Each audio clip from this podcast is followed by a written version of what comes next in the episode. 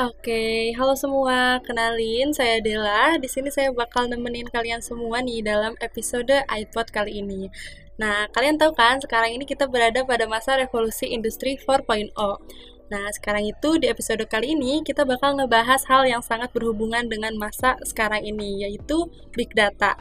Nah, pasti pada penasaran kan? Udah untuk menjawab rasa penasaran kalian nih, saya udah mengundang narasumber yang pastinya dapat menjawab semua pertanyaan kita. Di sini saya udah bersama Dr. Afrida Helen Mkom, yaitu salah satu dosen tercinta kami nih di Teknik Informatika Unpad. Nih udah ada Bu Helen. Halo Bu Helen. Halo Dira, apa kabar? Iya, alhamdulillah baik Ibu. Ibu gimana kabarnya? Alhamdulillah sehat. Hmm. Alhamdulillah Bu kalau baik-baik aja. Oke nih Bu, di sini kita mau ngebahas apa itu data dan big data dan hal-hal yang menarik lainnya terkait big data nih Bu. Nah, hmm. tapi mungkin Bu sebelum kita masuk ke big data, uh, mau tahu dulu nih Bu sebenarnya apa sih data itu? Oh, data ya. Nah, saya yakin Dila tahu kok data itu apa. Oke ya, tapi saya jawab ya karena ini pertanyaan ya. Jadi kalau iya, diartikan secara kalimat ya, data itu catatan. Data itu adalah catatan dari kumpulan dari fakta, catatan dari fakta. Kalau kita definisikan ya itu adalah catatan dari fakta. Dan catatan itu pasti macam-macam, bisa dari pengukuran, bisa dari pengamatan, bisa dari survei dan lain-lain sebagainya. Itu yang data. Jadi itu jawaban uh, paling ini ya, paling apa ya, paling cocok lah untuk apa itu data ya. Jadi di mana nanti data itu bisa digali menjadi sebuah informasi. Nah, itu lain lagi ceritanya. Itu adalah. Oke. Okay. Oke, jadi kalau disimpulkan data itu catatan dari fakta-fakta ya, Bu. Nah, nah hmm. uh, oke, okay, lalu kalau misalnya big data itu sendiri apa ya, Bu? Nah, kalau big data, kalau kita lihat saja big data berarti data yang besar ya. Secara harfiahnya ya. Jadi berarti kumpulan dari data jadi kumpulan dari data itu misalnya dengan jumlahnya yang sangat besar, sangat besar artinya ya udah kita sudah tidak mampu untuk mengukurnya, kita sudah tidak mampu untuk melihatnya dan data itu sangat rumit sekali. Sumbernya banyak, tidak terstruktur, dan kacau balau lah pokoknya. Tapi data itu sangat-sangat banyak. Nah, sehingga menjadikan sukar untuk di kita apa dia kita analisa, sukar untuk di mau diapakan ini data ini karena saking banyaknya. Nah, jadi maka dia menjadi sebuah big data yang namanya apa um, ya nggak bisa lah kita uh, olah dengan dengan cara-cara konvensional ya. Jadi ada strategi khusus untuk mengolah big data tersebut. Itu namanya big data. Jadi di mana kita tidak mampu untuk mengolahnya secara uh, apa um, apa ya secara tradisional ya. Metode-metode tradisional yang kita punyai gitu kira-kira Oke, jadi kalau big data itu kayak kumpulan, kalau aku simpulin ya Bun ya, kayak kumpulan hmm. dari data yang sangat besar, yang kalau manusia ngerjain sendiri gitu nggak bisa ya Bu, ya, karena terlalu susah gitu. Terlalu banyak dan terlalu rumit datanya. Oke, ya. iya. Oke, baik Bu. Uh, nih uh, kalau kita mendengar tentang data juga nih Bu, selalu ada istilah data science nih Bu. Nah, hmm. mereka itu hubungannya apa nih Bu atau bagaimana nih Bu? Ini ini menarik ini ya. Big data data science dan yang namanya data-data ini masih mereka masih bersaudara sih sebenarnya. Jadi big data itu tidak kita kita kita di kita olah apa kita definisikan sebagai sebuah jumlah data yang sangat besar ya. Tapi kalau udah ya, kita bicara dengan sains berarti kan ilmunya. Nah ilmu apa yang terkait dengan mengolah data tersebut itu big data tersebut? Nah ini berhubungan dengan matematika berhubungan dengan statistik, berhubungan dengan ekonomi juga bisa, akuntansi juga bisa, berhubungan dengan semua apa bagian-bagian ilmu lain.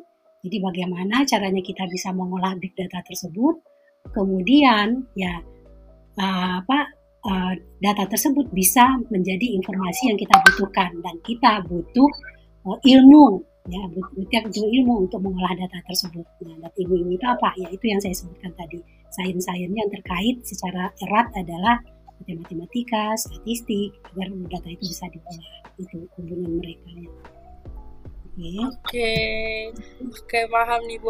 Nah, terus nih Bu ya kan uh, tadi uh, sudah saya singgung di awal nih teman-teman, kalau misalnya kita itu berada pada revolusi industri 4.0. Nah, selain dari big data, saya juga pernah mendengar nih istilah cloud computing dan IoT nih Bu yang banyak diterapkan di masa revolusi industri sekarang ini. Hmm. Mungkin bisa dijelaskan nih Bu hubungan mereka seperti apa antara big data dan cloud computing serta IoT ini?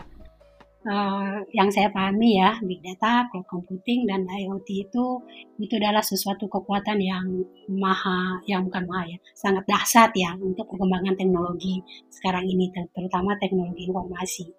Jadi biasanya apabila kita berbicara dengan big data tentang big data, skenario aplikasinya, maka kita pasti berbicara tentang konteks internet internet. Jadi artinya internet adalah segala sesuatu tentang internet.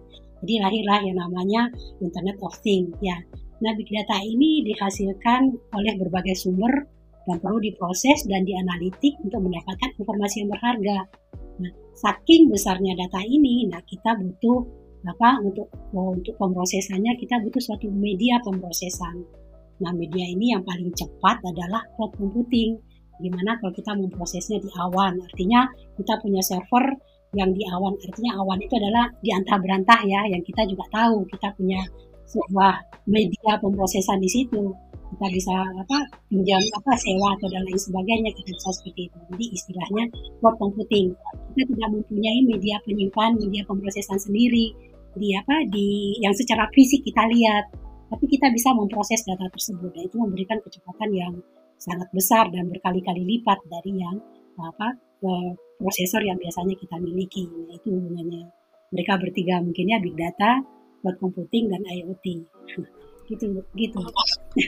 Okay. itu karena kalimat saya. Iya ibu. Nih, uh, nih bu ngomongin big data nih ya bu. Mungkin uh, maksudnya baru adanya tuh dari uh, apa masa revolusi uh, saat ini gitu. Nah, yeah. kenapa nih Bu big data ini tuh berkembang sangat cepat nih Bu kalau kita lihat? Nggak uh, ada lagi sih jawaban saya selain dari internet. Ya, jadi dengan internet itu orang dengan mudah mengupload dan mendownload data. Ya, mengupload data apa pun setiap hari bisa dimasukkan ke dalam internet. Dan kalau udah masuk internet, data, otomatis data itu bisa diambil oleh semua orang Kemudian kita butuh data apa? Kita bisa mendownloadnya dari internet. Itulah yang membuat data itu bertumbuh, tumbuhnya sangat cepat dan apa? Malah eksponensial tumbuhnya ya. Kalau di tahun awal-awal internet itu mungkin di tahun awal 80-an itu kan belum ada internet ya, paling paling ada apa? email ya. Email itu masih sedikit, tapi setelah ini berkembang dan lain sebagainya semua bisa masuk internet, nah udah. Apa oh, apa uh, ya ya ini eh, datanya sangat seperti explore apa ini ya berkembang cepat itu meledak ya seperti itulah jumlahnya tiba-tiba sangat sangat banyak coba aja contohnya kita masukkan satu kata di dalam uh, Google. Ada tiga ada puluhan ribu ada mungkin ada jutaan yang bisa kita apa, ma, apa mereferensikan dengan kata yang kita cari tersebut. Nah itulah apa. Jadi tidak ada lagi selain daripada uh, ini adalah ulahnya internet menurut saya. Kenapa data ini ada? Oke okay, benar bu, apalagi zaman sekarang tuh kayak serba internet ya bu ya, ya jadi lebih cepat kan, lagi. Kan? IoT kan? Iya iya. Kan kejawab. Oke. Okay. iya benar banget ibu. Nah kalau ngomongin manfaat nih bu, uh, manfaat dari big data itu sendiri apa bu? Manfaatnya, jadi kalau banyak ya, jadi kalau di media sosial biasanya, saya tahu paling juga Adela juga memakai media sosial ya. Uh, misalnya Instagram, ya bisa apa bisa berkumpul dengan teman bisa saling berbagi informasi bisa saling apa melaporkan apa yang sedang saya kerjakan apa yang saya sukai kan seperti itu. Ya apalagi juga dengan Facebook bisa diskusi bisa dan lain sebagainya. Nggak nggak punya teman yang apa sekitar 15 tahun yang lalu hilang atau 10 tahun yang lalu hilang tiba-tiba bisa ketemu. Nah itu adalah salah satu manfaat yang positif Nah kemudian juga bisa lihat, kita bisa lihat sekarang kan lagi pandemi nih. Nah pandemi ini kan kita sangat-sangat uh, ya ketakutan dan dan kita sangat kepingin tahu gimana sih sebenarnya apa pandemi COVID-19 ini menyebar di, di dunia. Nah kita bisa buka barometernya apa COVID-19, kita bisa tahu di seluruh dunia bagaimana perkembangan COVID. Negara mana sekarang yang sedang kolaps tentang apa apa uh, akibatnya pandemi ini COVID ya COVID ya penyebaran COVID-19 ini. Semua informasi itu bisa dengan mudah kita dapatkan. Dan itu adalah semuanya adalah big data. Dan itu semuanya di dalamnya adalah data science ya yang memberikan info digali dengan ilmu-ilmu tadi ilmu-ilmu dasar tadi sehingga kita bisa mendapatkannya ya, mendapatkan informasi dari data tersebut itu kali ya. Oke, berarti tadi yang ibu sebutkan itu tadi kayak manfaat yang di eh apa ya big data yang diterapkan di kehidupan sehari-hari ya bu. Ya. Apalagi terutama di masa pandemi tadi ya, Bu. Hmm, Oke, tadi kan manfaatnya nih Bu ya sama eh, eh, apa ya membicarakan manfaat dan penerapan big data nih Bu. Lalu apakah ada dampak negatif nih Bu atau kerugian dari adanya big data ini? Ada. Ya, sedang apa po- apa negatif dan positif kan terus apa kan selalu selalu kejar mengejar ya. Nggak ada yang sempurna ya. Nah, kalau positifnya tadi udah, sekarang kalau negatifnya itu kita nggak punya privasi. Ya, artinya apa? Kalau kita login ke sebuah aplikasi misalnya, kan dia meminta data kita. Nah, mereka punya data kita, rekaman data kita. Nah, ada satu kejadian itu di mana mungkin di kelas juga saya pernah bilang ya. Di ya di awal-awal Facebook mau apa mau apa populer itu ya. Dia baru login di Facebook, kemudian dia pergi ke toko kopi, eh ke apa ke warung kopi atau ke kafe. Tiba-tiba di kafe itu orang sudah tahu, eh bapak ini ya, bapak pesan ini ya dia tahu semua tentang orang yang barusan login ini. Berarti kan datanya secara total sudah diambil sampai dia kaget loh, kok tahu? Oh, berarti saya baru login dari sebuah aplikasi ya. Oh, mereka tahu data saya. Nah, itu kita nggak udah privasi lagi. Nah, kemudian uh, apa kerugian lain adalah uh, mungkin uh, kita melakukan transaksi atau menyimpan jadwal, kita nggak punya privasi lagi. Jadi kalau saya pernah kejadian, data saya ada di Google jelas, tentu saya mau beli tiket misalnya tiket tiket tiket ini ke mana tanggal sekian tiba-tiba dia mengingatkan saya. Nama saya disebutkan kemudian hati-hati penerbanganmu jangan sampai terlambat. Walau saya bilang wah ini data saya sudah diambil. Ada positifnya tapi saya jadi nggak nyaman loh kenapa dia kok ikut ikutan? Tahu saya mau ke mana gitu. Nah, itu saja sih sebenarnya. Tapi ada orang yang senang kalau dia diperhatikan seperti itu. Mungkin ya. Mungkin. Ya sekarang juga hoax gimana? Hoax ya.